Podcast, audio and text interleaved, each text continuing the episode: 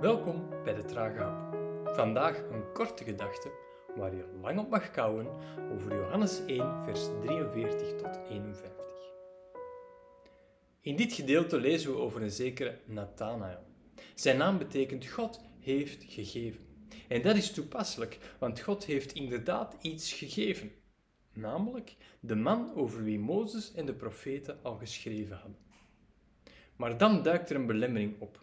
Nathanael hoort dat die man uit Nazareth komt. Met de bekende uitspraak als gevolg: kan uit Nazareth iets goeds komen? Nazareth, wat had dat dorp nu ooit bewezen?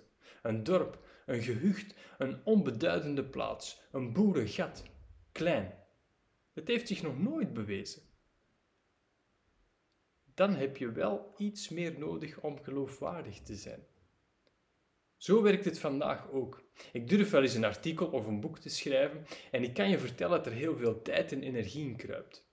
En als ik dan zie hoe de schrijfsels van sommige andere mensen als geloofwaardiger en beter gezien worden omdat ze de juiste connecties, ouders of vrienden hebben, wel, dan zweven er wel eens wat kritische vragen rond mijn hoofd. Hoe is het mogelijk dat? Enzovoort. Zo werkte het blijkbaar 2000 jaar geleden ook al. Uit Nazareth komen vormde een belemmering om Jezus als Messias te erkennen. Moest hij nu uit Jeruzalem gekomen zijn? Dat was tenminste nog iets. Of uit Hebron, een stad die voor Abraham en voor uh, David heel belangrijk waren geweest. Maar Nazareth.